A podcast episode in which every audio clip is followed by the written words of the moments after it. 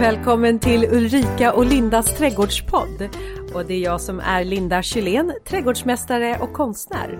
Och det är jag som är Ulrika Levin, trädgårdsdesigner och arkitekt. Vet du vad, varje gång jag ska säga det här så är jag så himla orolig för att jag ska säga fel. Det är ungefär som jag inte kommer, kan komma på vad jag jobbar med själv. Ja, vad konstigt. Ja, jättekonstigt, men ja. så är det. Eh, kära lyssnare, idag ska vi prata eh, om växthus del 3, egentligen inte en sammanfattning, utan vi ska prata specifikt om växter i växthuset. Eh, men innan dess, Linda, så tänkte jag att du skulle få berätta om vår sista podd eh, för säsongen. Ja, för då kommer vi ha ett rent frågeavsnitt, det vill säga fråga Ulrika och Linda om eh, allt från himmel och jord om trädgård helt enkelt. Och, och det, var gör man det någonstans? Var ställer man frågan? Man ställer frågan på vårat Instagramkonto Ulrika och Linda och sen så skickar man eh, gärna PM till oss eh, på det. Så sparar vi de här frågorna och sen så kommer vi ge er svar. Mm. Och vi har redan fått in eh, en hel del frågor till podden. Det har vi. Mm.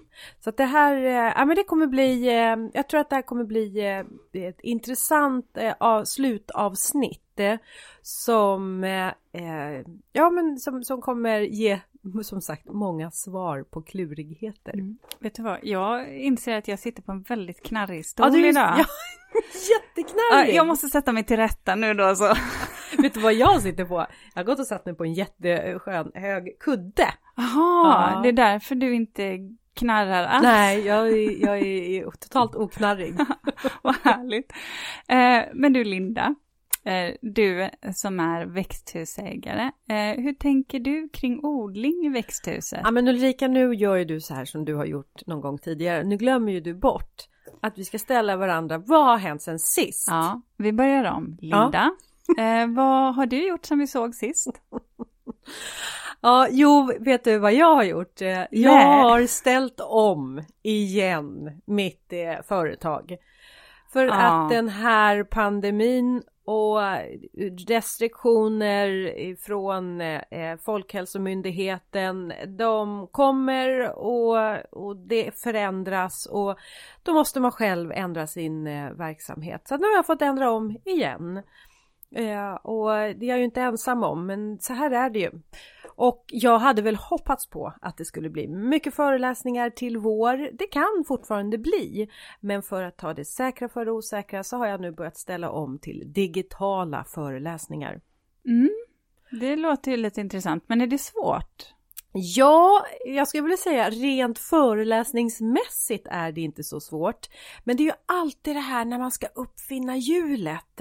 Hur funkar det här för mig och vart ska jag stå och hålla min föreläsning och hur ska vi filma det? Hur ska jag växla mellan bildspel och mig där jag står? Hur ska jag svara på frågor som kommer in? Alltså, äh, jag är nybörjare med digitala föreläsningar och, eh, men jag inser ju också att eh, vill jag ut och eh, prata så måste det vara en del i mitt företag. Och, ehm, så det har varit ännu en omställning. Det känns som att jag det här året har kommit till mitt jobb och jag får starta om från början igen. Men eh, det måste vara så klurigt det där för att i och med att man nu har eh, lokala restriktioner så kan du ju heller aldrig veta vad som gäller dit du hade tänkt att åka eftersom du reser ju runt i Sverige. Ja, nej men så att, och det är då jag tänker att eh, än en gång, det säkra för det osäkra, det får bli digitalt. Sen tycker jag ju inte att det kan mäta sig mot de fysiska mötena såklart. Och det är så mycket mer. Jag vill ju signera böcker och dedikera böcker som jag brukar ha med mig och, och titta i ögonen och höra på trädgårdshistorier och erfarenheter från de som lyssnar. Men, eh, men man får bara än en gång anpassa sig. Så mm. det har väl liksom varit det jag har pysslat med sen sist, försöka tillsammans med min kollega sätta mig in i hur löser vi det här? Mm. Vad har du pysslat med? För mig tuffar det ju på. Det är ju eh, verkligen helt olikt eh, din situation. Eh, men däremot så har jag också behövt fundera på eh, hur eh, ifall det finns vissa möten som jag faktiskt måste ställa om. Vissa ändras ju till digitala möten och det går ju bra, även om jag, precis som du kan tycka att när man ska visa en ritning och fotografier, saker till för att förklara, för att förtydliga vad jag menar så kan jag ju tycka att det är enklare när man ses eh, personligen. Men det går. Eh, däremot en del rådgivningstillfällen har jag faktiskt valt att boka om. För att det, det, går inte att coronasäkra när man kommer in i någons hem. Det blir helt orimligt eh, att försöka stå och visa någonting på en telefon eller sitta och skissa när man inte, när man måste hålla avstånd och då blir det ju verkligen, man är ju hemma hos någon.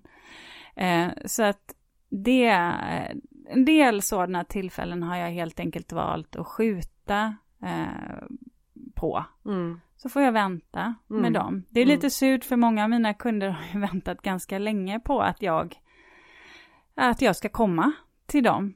Eh, men eh, jag känner så här, det är ju bara att, jag får bara acceptera läget för jag tänker också på att, att det måste någonstans vara fokus, fokus på att stoppa smittspridning för dels för de som drabbas men också för alla som jobbar med det här. Det måste ta så extremt mycket kraft för de som eh, jobbar eh, inom sjukvården.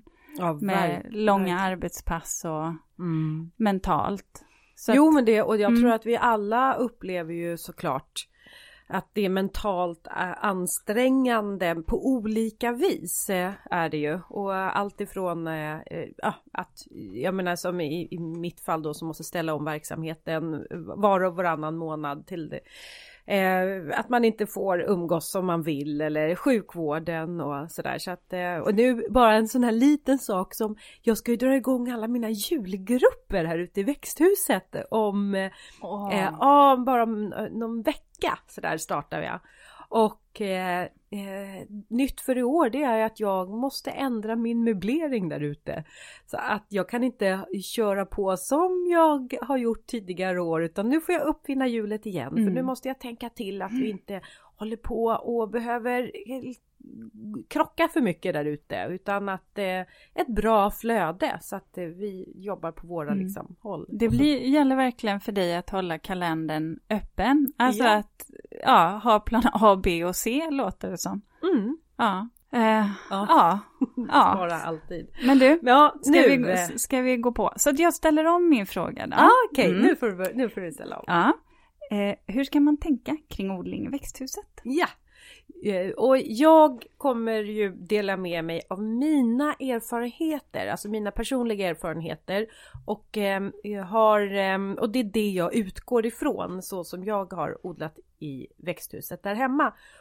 Och jag har ju inte varit en växthusodlare särskilt länge utan jag har två säsonger i bagaget. Så att jag har ju provat i alla fall två säsonger men jag skulle behöva en tredje säsong för att riktigt eh, förstå mig på eh, och hitta eh, exakt vad jag har behov av i mitt växthus. Mm. Om du förstår vad jag menar. Ja, så ja. Det, det, är snarare, är det funktion då eh, eller är det snarare? Alltså dels, eller ja, vad sa du? Snarare... Eller om det är användning, alltså det vill säga vad det är du vill odla eller är det både och du pratar om? Jag skulle nog säga att det är både och. Eh, jag tror att funktionen har jag landat i. Eh, och och funktionen är ju den att växthuset är en föränderlig plats som följer växtsäsongen.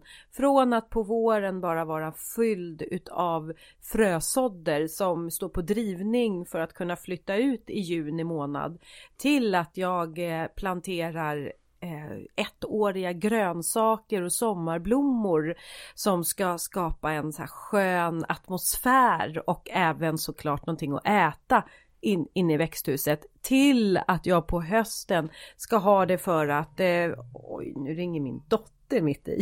Det var inget bra. Så.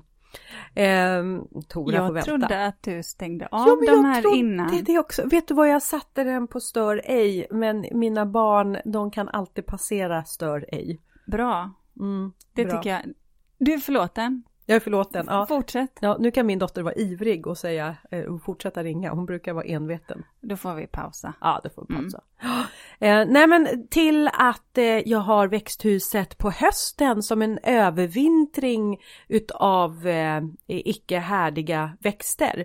Och att jag också planterar mina tulpan eller tulpaner och narcisser, det vill säga lökar. Mm. Så att växthuset är en väldigt föränderlig plats. Den är inte stat statisk. Men du, kan, kan vi inte stanna lite där? Mm. Det du sa nu, för du pratade om tulpaner och lökar. Eh, menar du att du sätter dem i krukor då eller sätter du dem i dina planteringsbäddar? Ja, i planterings... Äh, Ja. inte planteringsbäddar för Nej. det har inte jag ännu. Det är Nej. faktiskt någonting som jag fortfarande eh, håller på och träna eller vad ska man säga upptäcker. Vill jag ha fasta planteringsbänkar eller vill jag fortsätta och ha det lite flyttbart och po- portabelt? Och jag har ännu inte hittat för jag vill inte mura in mig. Och sen så inser jag att den där ytan hade ju varit så mycket bättre om jag hade haft det där bordet, den där stolen eller den där spaljén eller staffliet. Så att jag avvaktar med att mura in. Så jag Mm. har i, eh, i, det är faktiskt i korgar som jag odlar. Mm. Mm. Och då gör jag som så, nu börjar vi nästan, eh, nu börjar vi liksom i fel ände egentligen. Men jag det kan, kände det också. Ja, fast vi kan göra det, det är okej. Eh, för att där jag har odlat mina grönsaker under sommaren, det har jag gjort i stora krukor i rotting som tar ungefär 50 liter jord. Eh, när jag nu har tagit bort den, det här som då har vissnat ner och som ni hörde förra veckan när jag pratade om en grön tomat. Mm. Gröna tomater och röda. När jag tagit bort allting sånt, eh, då finns det ju faktiskt, den jorden, den eh, är ju fortfarande fin i sin struktur. Även om det inte är mycket näring i den, så är den fortfarande fin i strukturen.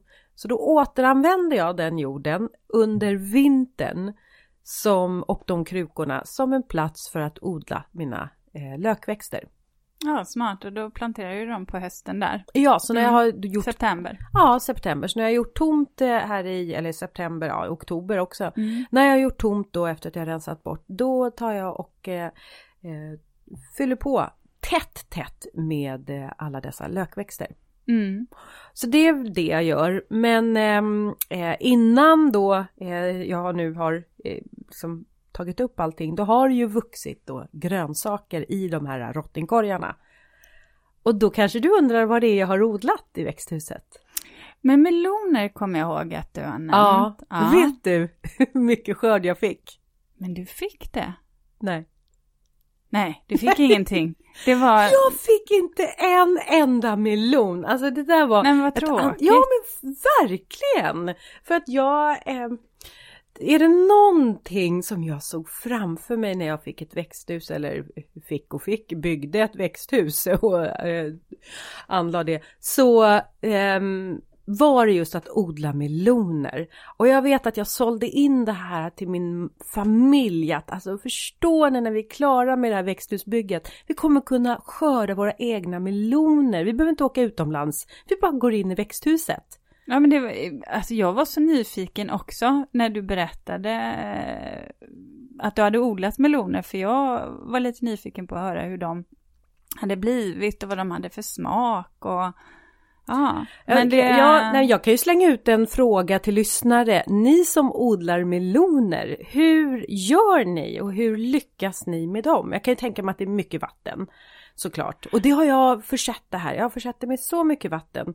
Det är möjligt att jag satte igång min melonodling lite för sent. Mm. Och det är ju det, när man nu ska använda växthuset även som ett drivhus så är ju det fullproppat med frösådder ända fram till början av juni. Och egentligen så tror jag väl kanske att det hade varit bra om jag redan i maj eh, hade kunnat fått in då de här eh, melonerna så att de hade fått börja redan där. Nu börjar de ju växa någon gång i början på juni och jag tror att det är en del i att de, att de hamnar, för sent i jorden.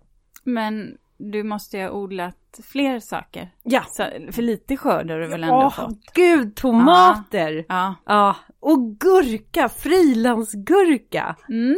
Och ehm, eh, ja, sallad såklart. Eh, basilika, alltså det har jag. Men jag kan ju säga att jag har varit självförsörjande på tomater. Mm. Och de tomaterna som jag odlade i år, jag, jag, jag föredrar plommontomater, körsbärstomater snarare än de här större tomaterna eller bifftomater. Därför att jag tycker det är så gott, det är som att plocka smågodis. Bara, Mm. mm, mm, mm. De blir ju så söta. Ja, de blir så söta. Mm. Så därför så är jag så här, jag förespråkar eh, små tomater. Och sen är det ju det, det går ju snabbare för dem att mogna om Ja. de är små tomater än stora. Jo, och definitivt den ar aromen som, som Ja. man får. Ja. Det, ja, det är gott. Eh, Så att jag, jag har odlat klassiker som Tiny Tim. En körsbärstomat. Mm. Eh, jättesöt och den får så många eh, tomater. Den liksom, ja, det är bara tomater nästan. Och sen har jag även odlat en ampeltomat. Eh, den heter Romello och det är en F1. Kommer du ihåg det här med F1-or? Mm. Det är ju fröer. Formel 1 tänker jag Ja, bara på. Formel 1 ja. ja. Eh, Första generationen. Det här är ju alltså fröer som det inte går att eh, göra egen frö, eh, förökning utav. Utan det här är fröer som man måste köpa nya fröer varje år. För annars så får du inte en Romello. Då kanske du får en eh, Ronaldo. Nej, jag vet Mm. inte. Något annat Något i alla annat, fall. ja. Ja. Eh, Men det är, en, det är en ampeltomat och am- ampeltomater är ju trevligt eftersom du kan hänga upp dem i taket och sen så växer det liksom uppifrån och ner och inte tvärtom nerifrån och upp. Då maxar man ju verkligen så här eh, tomatodlingen både uppifrån och nerifrån. Mm. Och sen har jag också Gardeners Delight. Gardeners Delight är en större tomat men den har en, den låter nästan som att jag ska recensera ett gott vin. Men den har en väldigt god balans mellan sötma och syra. Mhm. Mhm. Mhm. Hur var skalet då? Är den så här, alltså lite, är köttet så här fast och, eller är det lite mjöligt? Alltså, jag bara tänker på att det är så saftigt allting. Ja. så jag, jag vet inte om jag, eh, jag, jag har inget eh, skalminne där eh, Nej. av det. Eller så. Nej. Utan det är... Men eh, ingenting negativt i alla fall? Nej, nej, verkligen hade inte. Du, Nej. Då hade du kommit ihåg det. Ja, det hade jag gjort. Mm. Lite oväntat vad jag odlar inne i växthuset. Det är potatis. Ja, det var, Mm, det hade jag inte räknat med. nej, men jag har ju inget stort eh, liksom, köksträdgård Nej. och yta att odla på, i min, på min tomt. Min tomt är dessutom, eh, den är lite skuggigare. Mm, och det har jag gjort medvetet för att jag älskar ju mina äppelträd och jag gillar när det är lite lummigt sådär som en koja. Men det gör att jag inte då kan ha ett stort köks, en stor köksträdgård och då odlar jag ju potatis i krukor. Mm. Och det var så här att i våras så fick jag frågan av eh, Nyhetsmorgon om vi skulle kunna odla potatis ihop, eh, jag tillsammans med programledare eh, Martin och Maria. Och då, eh, ja men självklart, det är såklart vi skulle göra det. Vi satte potatis någon gång, alltså där någon gång i april tror jag, slutet på april. Och sen skulle de vara skördeklara i eh, lagom till midsommar. Och jag satte eh, de här tomat, eh, eller vad säger de här potatiskrukorna. Och sen så satte jag då även ytterligare då fyra stycken potatiskrukor. För jag tänkte, tänk om de inte blir någon skörd av det här. Jag måste, ju- eller jag torkar någonting, jag måste ha backup så. Och det här växte till sig. Och det blev, jag tycker faktiskt att det blev väldigt så här, grönskande vackert inne i växthuset. Eh, så när vi hade skördat de här tomat, eller tomater, vad säger jag det hela tiden, potatisarna eh, i, på, i direktsändning så lät jag mina andra fyra, det gick ju bra, så att jag lät mina andra fyra potatiskrukor vara kvar. Och de har jag skördat av under hela sommaren. Och de sista potatisarna, de skördade jag i, eh, här i för någon vecka sedan. Va? Mm. Me- Menar du allvar på fyra krukor bara? Ja, men alltså nu har inte jag ätit mig proppmätt på potatis Nej. utan det är lite så här delikatessskörda och sen när man, eh, då kan man antingen så gräver man ner sig ovanifrån och så får man liksom sticka ner handen och så får man leta så här efter de här knölarna och så plockar man upp dem en och en och då fortsätter ju potatisen att Mm. producera potatisar så länge som du inte har vänt upp och ner på krukan och liksom förstört Dragit lastet. bort lasten. Ja, exakt. Eh, så att så, så har jag gjort. Eh. Det var ju, det var ju ett jättesmart tips Mm. faktiskt. Ja. För jag kan ju tycka att det, ja men den här eh, egna potatisen blir väldigt god. Framförallt den här färskpotatisen när den Ja. kommer. Ja, Ja. så att, eh, men så potatis har jag odlat också. Sen Ja. har jag även odlat, måste jag tänka här, vad är det mer jag har odlat? Ehm, ja men jag sa ju det, jo men frilansgurkan den är ju också väldigt, väldigt trevlig för att den bara hur mycket gurkor som helst som kommer och de är små är de.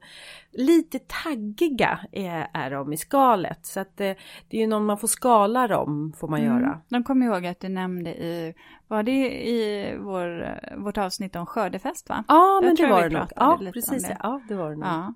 Men sen, sen när du är förbi eh, odlings, eller var du förbi eh, odlingssäsongen eller var det något mer du ville prata om där?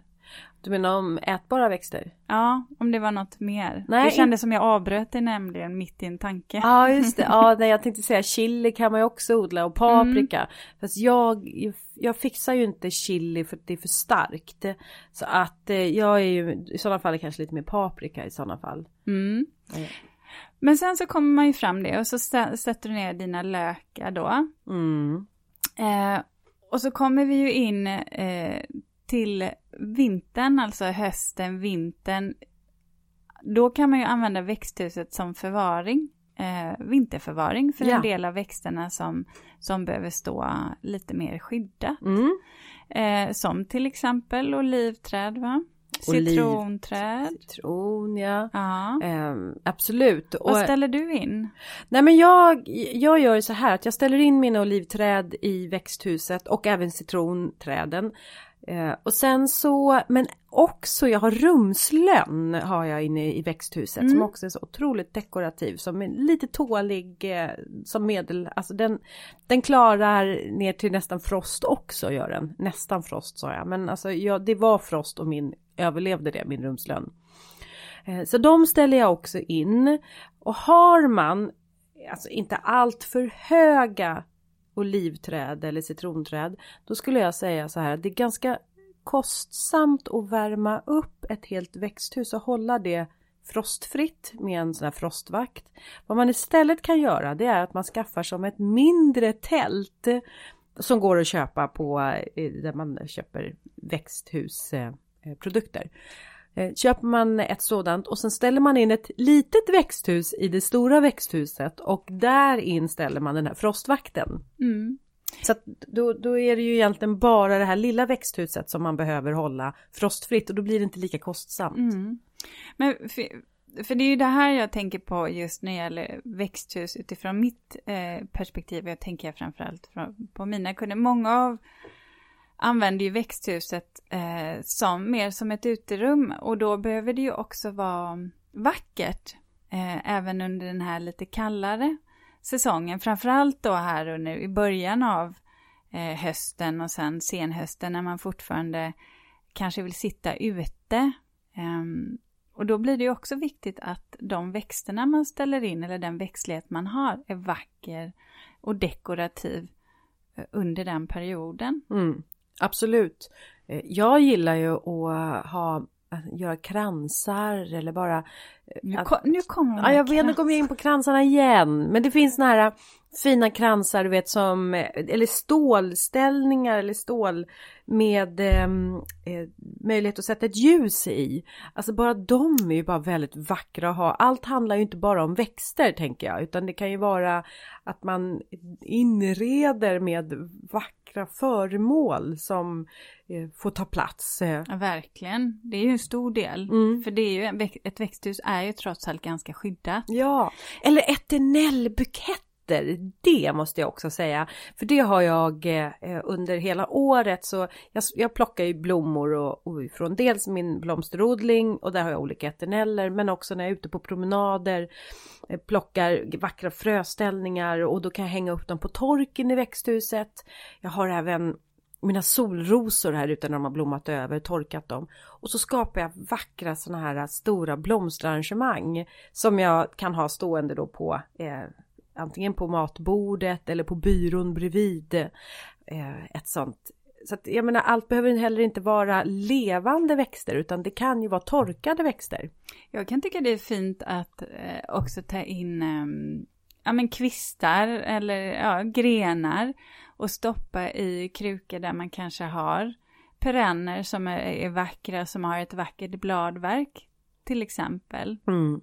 Det kan ju bli väldigt vackert. Mm. Eh, eller om man har lite känsligare eh, kanske lönnar i kruka eller någonting sådant som man väljer att ställa in. Det är ju också väldigt dekorativt. Då kan man jobba mycket med, med färg och form mm. istället. Och behöver inte alltid jobba med saker som är ettåriga utan att det här kommer ju, det här är ju växter som står i flera år. Ja, och när vi pratar om det då, för då är vi inne på växter som inte är ätbara. Mm. Och det är ju så här att växthus är ju inte bara så här förbokat utav ätbara växter, utan man får ju faktiskt låta andra eh, växter flytta in där också som har ett skönhetsvärde.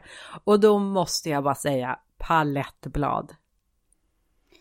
Nej, nej, nej, nej, nej, du får inte himla nu med... Nej, men vet du vad? Jag måste, jag, jag, ja. jag har en, jag måste erkänna att mm. um, jag har faktiskt sett en del palettblad nu som jag har tyckt varit vackra. Men vet du vad jag gillar då?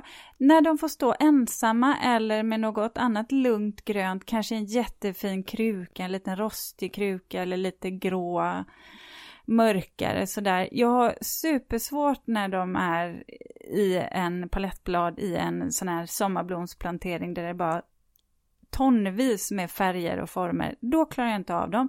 Men nu, jag har faktiskt ändrat mig lite. Och, och det är så underbart att höra att du, eh, att du är, jag menar att du även med växter kan ge dem en chans att se dem ur en annan synvinkel om du plockar ut dem ur det stereotypa sammanhanget. Och sen så bara plocka ut den där och så sätter dem i ett sammanhang där du kan placera dem och då ser du skönhetsvärdet hos dem istället. Fan, bra! Vad ja. glad jag blev! Ja, ett steg eh, framåt. Ett steg framåt är det verkligen. Men palettblad tycker jag är så vackra och jag har Jag föredrar palettblad som har en så här bordeaux mm ton eller eh, kanske mm, varm eh, engelskt röd än de här som kanske går i limegrönt. Alltså sådär. Så att de här lite dova färgerna. Jag gillar ju allt det där som är lite mustigt eh, orange och ockra. Eh, guldiga tonerna. Men det har ju men de, men de engelskt röd och eh, det här purpur. Och då kan de ju i ett växthus en liten jädrans eh, liten stickling kan från juni månad in till september, oktober växa till sig som en stor buske. Men de tål inte kyla. Vissnar de ner helt då direkt? Jag blev så ledsen. Jag blev så ledsen när jag klev in i växthuset här för någon vecka sedan. Och så hade det varit alldeles för kallt. Och jag bara va? Mina palettblad, de hade helt... Eh, ja, jag, jag hade inte hunnit med att rädda dem. Så att då, jag får börja om nästa år igen. Ja, trist. Jättetrist verkligen. Men så här är det ju. Ja, för annars mm. jobbar alunrot, den pratar vi om mm. när vi pratade höstfärger. Mm. Den tycker jag ju är ja. supertacksam. Absolut. Just när vi pratar bladfärger. Ja, och, och, det kan man ju också göra en vackert arrangemang in i växthuset ja. med alunrot. Men och, Mm. Och de, jobb, de tycker jag, alltså de kan man ju också använda, bladen kan man ju använda till snitt, för snitt är ju också ett sätt att jobba med växter i växthuset. Um, och plocka ja. in det man har. Ja. Beroende på säsong. Mm. Eh, men så palettblad och sen så har jag ju som jag sa rumslönnen och eh, rumslönnen eh, de får ju så här väldigt eh, söta klockor i, och den kan vara både vit och gul och eh, jag har en som är orange har jag. Eh, kan vara, man får lite så här pass på där därför att rumslön kan lätt få sköldlöss. Speciellt om den delar rum med olivträd, citronträd som också Mm. lätt får sköldlöss. Så att man, där får man vara lite obs. Så det är nästintill omöjligt att få bukt på en, eh, en rumslön som har fått eh, sköldlöss. Jag hade eh, Faktum var att jag hade fyra stycken rumslönnar och de fick alla sköldlöss och någon måste, av de här lössen tror jag hade måste vara något bakteriellt därför att de fick även bakterie eh, sjukdomar. Så att jag har bara en rumslön kvar men den vårdar jag. eh, Mm. Gör jag. Så rumslön är en sån och sen nu håll i dig Ulrika men nu kommer det. Inte Bergenia va? Nej inte Bergenia. men det är väldigt väldigt nära. Tänk växthus. Inte har jag Bergenia i växthuset men jag har begonior. Ja. Ja. Begoniorna. Av alla dess slag, de är också, men jag tror faktiskt att du, jag ska köpa, eller köpa, jag ska driva upp en väldigt eh, eh stilren, elegant eh, begonia till dig och eh, du ska eh, sätta den i en, i en kruka som du tycker mycket om på en plats och så, eh, så ska vi se om du inte kan ändra uppfattning. Ja, jag, jag håller med. eh, Som sagt var, är jag är öppen. helt öppen tills Ja. jag är motbevisad. Aha. Eh, Men begonior är så lämpade också i ett växthus. eh, Liksom, och nu har jag mitt växthus, det ligger lite halvt skugga. Så det gör att de här växterna som, eh, ja, som begonior klarar sig bättre än till exempel pelargoner. För pelargoner de vill att det ska vara gassande soligt och hett och varmt. Mm. Annars är ju pelargoner väldigt, väldigt bra. Mm. Eh, ja. Ja, det, det, ja. Mm. Jag, Och sen- jag satt precis och tänkte att åh, begonia. Det har jag aldrig satt in i ett växthus. Någonsin. Nej men de är, eh, nej det finns, eh, eh, finns någon tror jag som heter Kärringen och gubben tror jag den heter. Och eh, just den begonian den får två olika eh, typer, alltså sorters blommor. Om det är en som, jag, kommer inte ihåg nu hur de ser ut men de är, ja, det finns mycket personlighet i begonior. Och sen, eh, men vad jag också har inne i växthuset det är ormbunkar. Ja, Ja, det är ju något som jag gillar. Ja, jag förstår att du Mm. tycker om det. Ormbunkar och då har jag, vet jag inte vilken sort det här var, men det här är en ormbunke som också skiftar i de här bronsfärgade, eller liksom bronskulörer är det. Både grönt och det här ockra och, och liksom koppar nästan. Är det pärlbräken? Nej. Ja, alltså jag, ja, Ja. mhm. Nej, Lite för- klurig. Ja, där finns ju många sorter som är jättefina. Frilansadientem är ju... Ja, de är så skira men och sen den här frodiga grönskan. Frodigheten för Mm. att när man på när då alla ens eh, små frösådder har flyttat ut i juni månad och man har satt ner sina tomatplantor och chilis. Ja, det ser lite ängsligt ut. Det är lite så här och olivträden har flyttat ut på altan och bara ha det var tomt här inne. Och så ställer man in den här de här vackra ormbunkarna. Då skapar man på en gång en sån här ah, eh, frodighet. Och det behöver man ju ibland också för att en del pratar vi om växthus som är ja, större än 15 kvadratmeter. Så behöver ju de fyllas med någonting eh, också. Det handlar ju om både känslan och hur färgerna upplevs i växthuset. Det beror ju lite på vad man har runt omkring, om man har mycket buskar och träd så att man har en grönskande miljö runt omkring. Ehm, men jag tycker absolut att, att växter i växthuset fyller en funktion. Mm. Och något som jag jobbar mycket med, det är ju klättrande växter. Ja, Kan jag tycka är fint. Ja. Som gröna, gröna gardiner ehm, av de olika slag. Och eh, jag gillar ju blåregn. Ja, den, jag håller med. Jag tycker det är väldigt vackert med blåregn också. Ja, och det Eh. finns ju både den violetta och så finns det ju en vit sort också, Mm. alba. Mm. Det är fortfarande italienska blåregnet vi pratar om. De tycker jag är så vackra för de har det här lite exotiska bladverket och de drar ju bara iväg och sen blomningen är ju överdådig Mm. faktiskt. Ja, jag håller med. Det är ju väldigt exotiskt. Det, det, men, Mm. ja. Men det här är ju en planta, det här finns ju, det här är ju en planta som man måste beskära eh, för att få blomning. Eh, och för att den annars drar iväg och, och blir för stor. Och hur man ska beskära den, det beror ju på vilken sort man väljer. Eh, för det finns ju olika eh, sorters blåregn som har olika härdighet. Så att det här behöver man ju kolla upp så att man eh, gör beskärning i rätt tid. För att annars så får man inte den här knoppbildningen som man vill ha och då blommar de ju inte. Nej. Eh, så det behöver man ju komma ihåg. Mm. Mm. Sen tycker jag vinstockar alltså, är ju jättefina och jag har en sort som heter Dr. Schmittmans sockerdruva. Oj! Ja. Sockerdruva Ja, men alltså. de, den har så här gröna, lite gulgröna eh, druvor och ganska söta. Ah. Och det tycker, jag, det tycker jag är... Det är inte så vanligt. I, ibland så kan jag tycka att de är gräsligt sura, Mm. en del eh, en del druvor. Och det är ju framförallt en del av dem som eh, ja, kanske ska klara lite, eh, alltså, lite tuffare klimat. Eh, som har en bättre härdighet längre norröver. Kan inte eh, ni som lyssnar som har erfarenheter också utav eh, att odla just vindruvor tipsa om eh, odlingsvärda sorter? Mm. Det kan väl vara. Men hur var det med det här blåregnet? Fanns det, eh, det finns väl många olika sorter också med härdighet som är varierande så att man faktiskt kan få eh, även blåregn i sin trädgård eller i sitt Ja. växthus om man bor högre upp i landet. Jo, men det är det. Eh, det italienska, det, klarar ju zon 1 till 2. Eh, sen har vi ju det amerikanska blåregnet, till exempel Blue Moon. Eh, den kan ju gå upp till zon 4 i alla fall.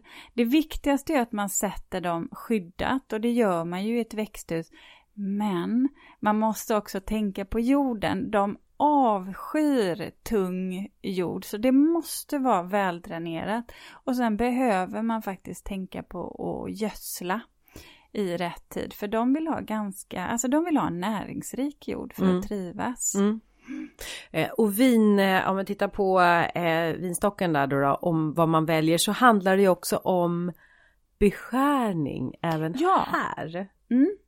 Och i december, alltså man kan säga så här, man vill ju beskära dels därför att man vill hålla, hålla den vacker och fin och inte att den ska ta över. Men också för att den ska eh, bilda en massa druvor såklart. Och jag av erfarenhet här från vinstocken som jag har planterad här ute i växthuset på Överjärva så kan ju den, den kan ju gå bananas på en säsong.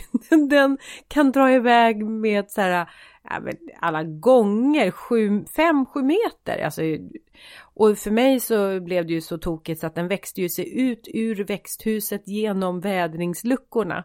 Och sen så krånglar den in sig i skuggvävens och det är ju en sån här el, el, liksom eh, teknik, elektrisk grej som och det så att det här blev ju, eh, det, jag var ju alltså tvungen att, att kalla in eh, Förstärkning. Förstärkning, ja men alltså den växte mig över så nu har jag insett hur viktigt det är att faktiskt hela tiden tukta vinstocken och hålla tillbaks den.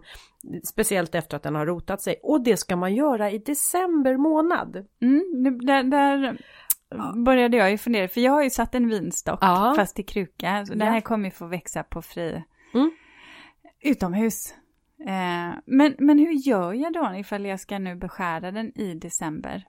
Om man vill spaljera upp sin vinstock så börjar man med att man har en stam som går rakt upp och sen tar man och väljer ut två sidoskott som man släpper ut eh, horisontellt.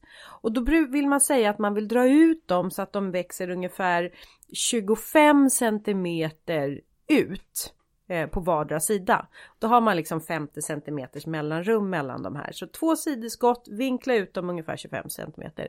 Sen kan man släppa iväg de här sidoskotten eh, år, eh, år två upp till 50 till 100 centimeter uppåt eh, eh, diagonalt då. då.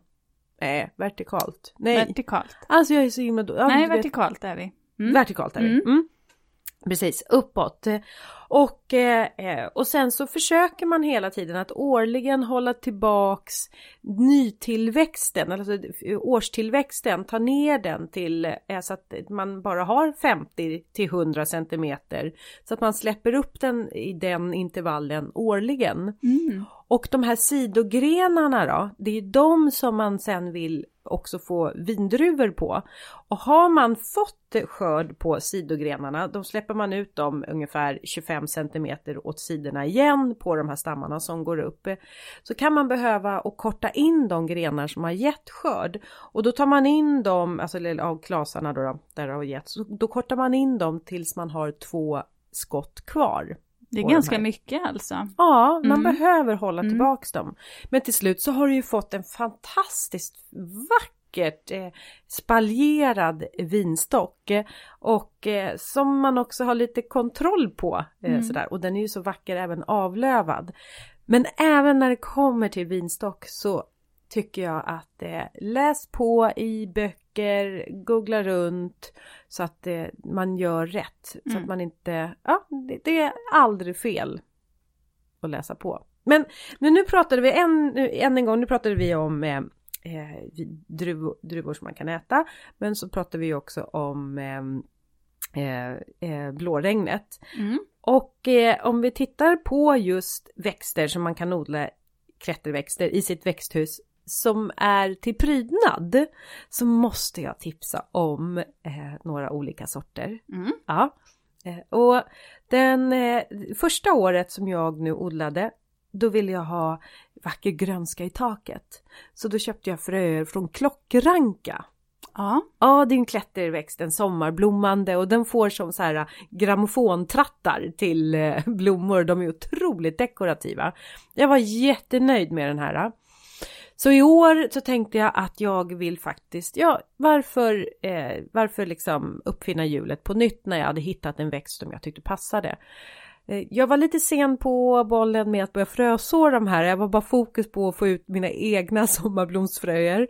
Så att eh, tåget hade gått och då försökte jag hitta en som redan var uppdriven i, i trädgårdsbutiken. Men gick bet där också. Så då fick jag tänka om. Och så fick jag istället välja en annan sort och då blev det svartöga. Åh, mm. Den gillar jag. Ja. Ah, I varje fall den sorten som heter Alba. Ja, den vita. Jag, den ja. vita ja. Tror du jag valde den? Nej. Nej. jag, jag hade valt den. Ja. Nej, jag gillar ju det orangea och oj, oj, nu blir jag så till med att sparka omkull bordet här nästan. Jag gillar orange och gult så att jag valde en som får både orangea och gula blommor på sig. Va? Och, ja. Ja, och så den svarta mitten. Ja, men den är lite så här blandad i sina... Det, det låter som så här, och jag tänker på det här godiset som man fick när man var liten. En halvmåne, gul och orange, sådana här halvmånar, hårda. Ja, just det. Ja. Fast de är varsina. De är inte, varje blomma innehåller inte båda färgerna, utan det är liksom men olika sorter. Men det förstod jag. Jag tyckte, ja, jag tyckte ja. det räckte ändå. ja, men den är så. Men och, och, otrolig växtkraft. Och den slingrar sig tight upp för liksom allt den får tag på. Mm. Så att det, och den, ett tag var jag faktiskt lite irriterad på den. Att den, men har den tagit sig in här nu i ljusstaken? Och sen eh, var det en nackdel med den här. Mm. Den skräpar. Ah. Du vet när blomman har blommat över så då tappar den den. Och ja det så. gör den ju. Mm, och det är ganska många blommor. Klockrankan är ju samma sak där men det är bara det att det är så stora blommor, de håller i sig lite längre. Så att mm. jag upplevde att svartögat faktiskt eh, skräpade för mycket.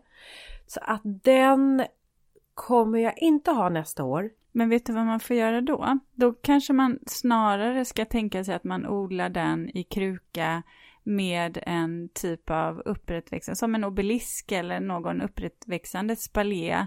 Bara så att blomstänglarna faktiskt kan falla ner i krukan. I krukan ja.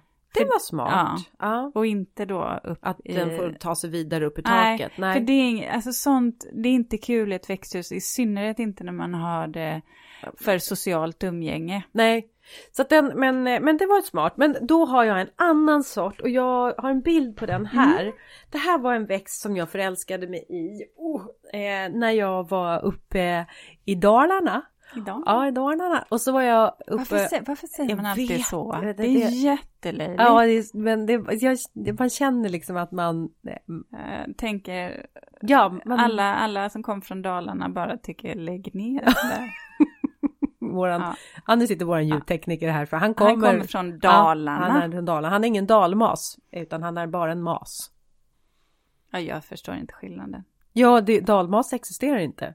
Nej. Det, är, det heter bara mas. Ja, det är Och också kulla. Okej. Mm. Ja, men vad bra. Ja, nu fick vi Nu lära oss det. utbildat ja, oss. här, Mm. Värdelöst vetande. Ja. Men då var jag på eh, Sundborn. Eh, och sen Ah. så... Okej, eh, ljudtekniker tycker inte att det var värdelöst vetande. Det var viktig information. Nu var jag i alla fall på Sundborn och där ska jag kliva in i eh, deras bostad, Karl och Karins bostad.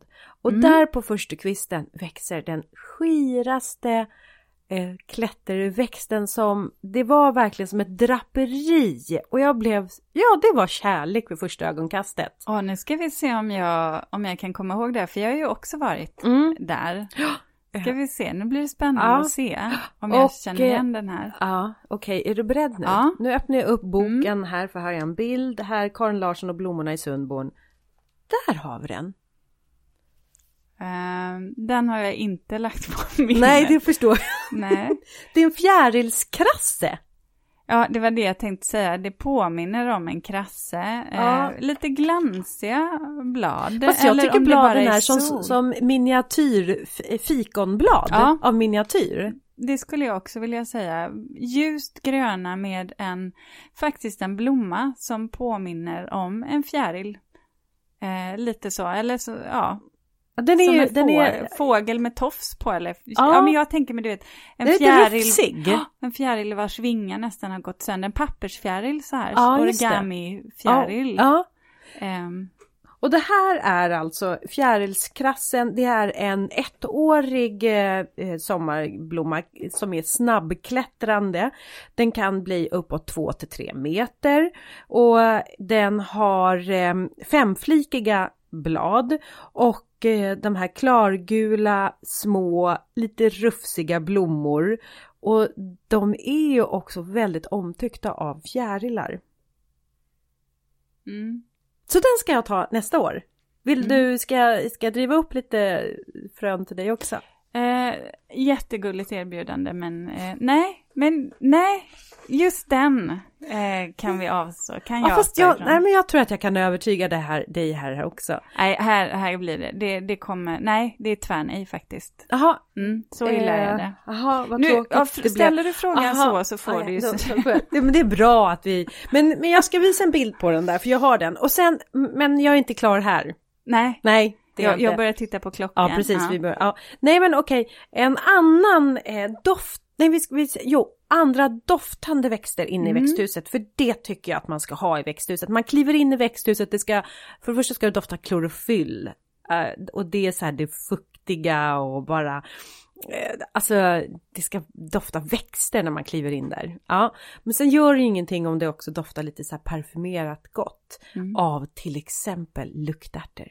Ja, så luktärtor, det brukar jag ha eh, de senaste åren, två åren här nu, då har jag haft det i krukor precis vid dörren in till växthuset. Så att de kan nästan halvt, om halvt växer de ute, för att ofta har jag dörren öppen på somrarna till växthuset.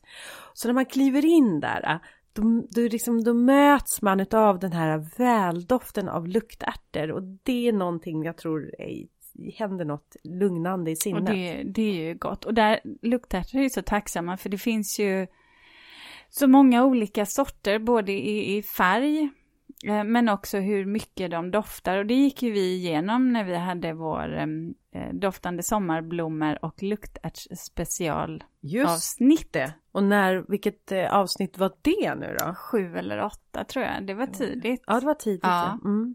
Men om man nu pratar om ytterligare en doftande växt så skulle jag säga citronträd. Ja, Ja. ja. Ja, Där ja, blom, ja. blommorna som doftar. Åh, det också. Och jag tycker det är så härligt att gå och plocka de här egna citronerna som man, och där är det ju inga problem, där kan man ju raspa ner skalet i sin sockerkaka eller dressing till salladen. Eh, för man har ju inte använt några gifter då, eller jag gör inte det i alla fall. Nej, nej, det får man inte göra. Nej. Nej. Men du, eh, vill du tillägga något mer? För annars så tänkte jag faktiskt eh, att vi skulle prata om veckans spaning eller reflektion. Mm. Men jag har inget mer att tillägga där då. då. Men då får du börja med veckans reflektion.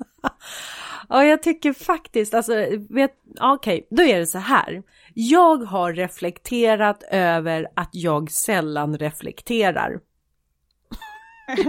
ja, och, och det är ju, ja men när vi, när vi nu har den, oftast, vi har ju den här avslutningen på podden att vi ska prata om någonting som har men något som vi har gått och liksom grunnat på och eh, kanske något orättvist eller något bara som ligger rätt i tiden eller och eh, varje gång som vi ska spela in podden då brukar jag sätta mig ner så brukar jag tänka så här Linda vad har du varit med om? Är det någonting som du funderar över? Är det... Och jag, jag liksom, jag, jag, då börjar jag fundera på om jag är dålig på att stanna upp och det här som jag pratade om, vänta in mig själv. Eller som eh, min kollega Peter sa här att eh, jag springer ibland så fort så att jag springer ikapp mig själv. Alltså det är ju så här hysteriskt och där eh, jag, jag har faktiskt reflekterat över att jag eh, är dålig på att reflektera. Jag kanske, jag vet inte hur jag ska få, få hitta den, liksom det utrymmet. Det här är ju spännande.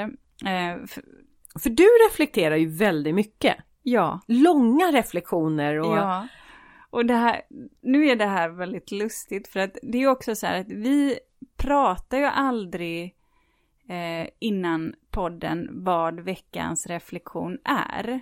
Eh, och jag kommer knyta an till, till din reflektion, för det är nämligen så här att jag pratade med en kompis här eh, i veckan som var och Eh, jag berättade om att jag hade läst en bra bok och ja, jag, jag var uppfylld av den och så, så suckade hon lite och, och sa att ah, ja, jag hinner aldrig läsa, säger hon. Jag, eller rättare sagt, hon orkade inte för hon kunde inte koncentrera sig. Och det där snabba, korta perspektivet att skumma på ytan är ju någonting som vi matas mycket med. Det premieras ju mycket. Det, det, det ska gå fort och det... Vi, vi vill inte vänta, eh, vare sig vi har vår smartphone eller eh, litteratur. Det ska hända nu. Eh, och jag har funderat mycket på vad, vad händer när vi inte kan tänka djupa tankar, när den inte får tänka klart, eh, när, när man inte orkar byta perspektiv, då blir ju det väldigt ytligt och förståelsen för eh, företeelser, skeenden blir ju väldigt, väldigt grund. Eh, och det här är ju precis som du säger, jag tänker ju konstant. Eh, jag tycker det är jätteintressant att vrida på olika perspektiv. Eh, och jag läser ju mycket också, tar ju till mig litteratur för jag tycker, jag måste, jag måste få tänka mm. på de här djupa tankarna. Jag klarar inte bara av att skumma på ytan. Eh, jag, måste, jag måste ner i, i det här. Vad, vad betyder det liksom Aha. på, på... Analyserandet eller eh, ja, du, som du säger, jag vill gå till botten med och förstå. Jag vill förstå. Ja. Och eh. där, eh, i vissa fall så, så är jag sån också. Jag vill också förstå, såklart. Men jag jag vet inte. Um, ja, nej, men det, jag, jag, har väl en del tankar om det, men jag, jag måste nog fundera. måste nog reflektera över dem för att kunna formulera dem. Ja, men jag kan också tycka att det finns en aspekt där vi matas med mycket information och att jag då behöver fundera på den här informationen som jag fick just nu. Vad tycker jag egentligen om den på riktigt? Och inte bara att jag tänker, ja, men vad tycker jag? Jo, jag kan ju tycka så här, men varför tycker jag så? Eh, om jag byter perspektiv, vad händer då? Eh, jag kan tycka att det är så otroligt viktigt, i synnerhet i dagens samhälle när vi hela tiden matas eh, med fakta, eller som inte är fakta.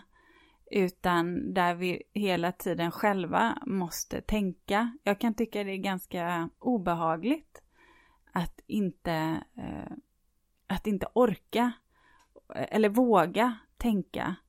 Jag tror också att det är så här eh, att hitta utrymmet till att eh, samla sina tankar och där, där vet jag att eh, när innan vi hamnade i den här eh, pandemin och livet var lite mer som sådär som jag själv hade valt att livet skulle vara. Det vill säga att jag eh, åkte runt i Sverige och fick vara ute på mina turnéer. Då var det ju en del långa timmar bakom ratten eller jag satt på tåget eh, och bara transporterade mig och där kunde jag reflektera och också fundera och vrida och vända på tankar eh, och tänka klart dem. Men det är väl kanske det snarare den här, det här året har inte funnits tid för reflektion därför att jag har inte befunnit mig i de sammanhangen. Mm. Och jag är där jämt. Oavsett situation tror jag.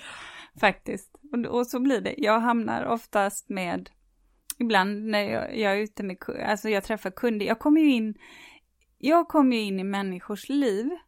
Ibland på ett sätt, eller ibland även när de går igenom svåra saker. Och det är väl också någonting som eh, jag har lärt mig av Eh, genom åren att det här med att våga tänka också gör att jag vågar lyssna på andra människors berättelser som kan vara ganska svåra och tung, tunga.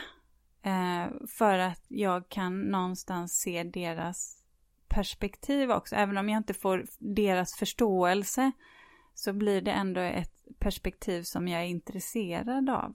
Så ja, jag, jag kan inte leva utan de där eh, djupa och kanske långa eh, tankeprocesserna. Jag behöver dem för att, för att frodas. Ja. Alltså mm. vi två, vi är så bra i våra, vi kompletterar varandra så bra tror jag. Ja, det, så är det ju. Ja. Det har vi ju märkt. Olikheter. Linda, eh, vi, vi avslutar eh, för dagen. Eh, vi har vårt Insta-konto, Ulrika och Linda, där får ni gärna följa oss och, och som sagt var, det här med frågepodden, ställ gärna frågor där. Mm, gör det. Ja, och sedan så eh, är det ju bara att lyssna nästa vecka mm. igen. Ja, det är nedräkning nu. Snart har vi, eh, ja, snart går vi på ledighet. Ja, mm. då får ni lyssna på gamla avsnitt. Ja, det får man göra. Ja. Vi säger så. Ja, det gör vi. Hej då. Hej då. Så, nu är det dags för lunch.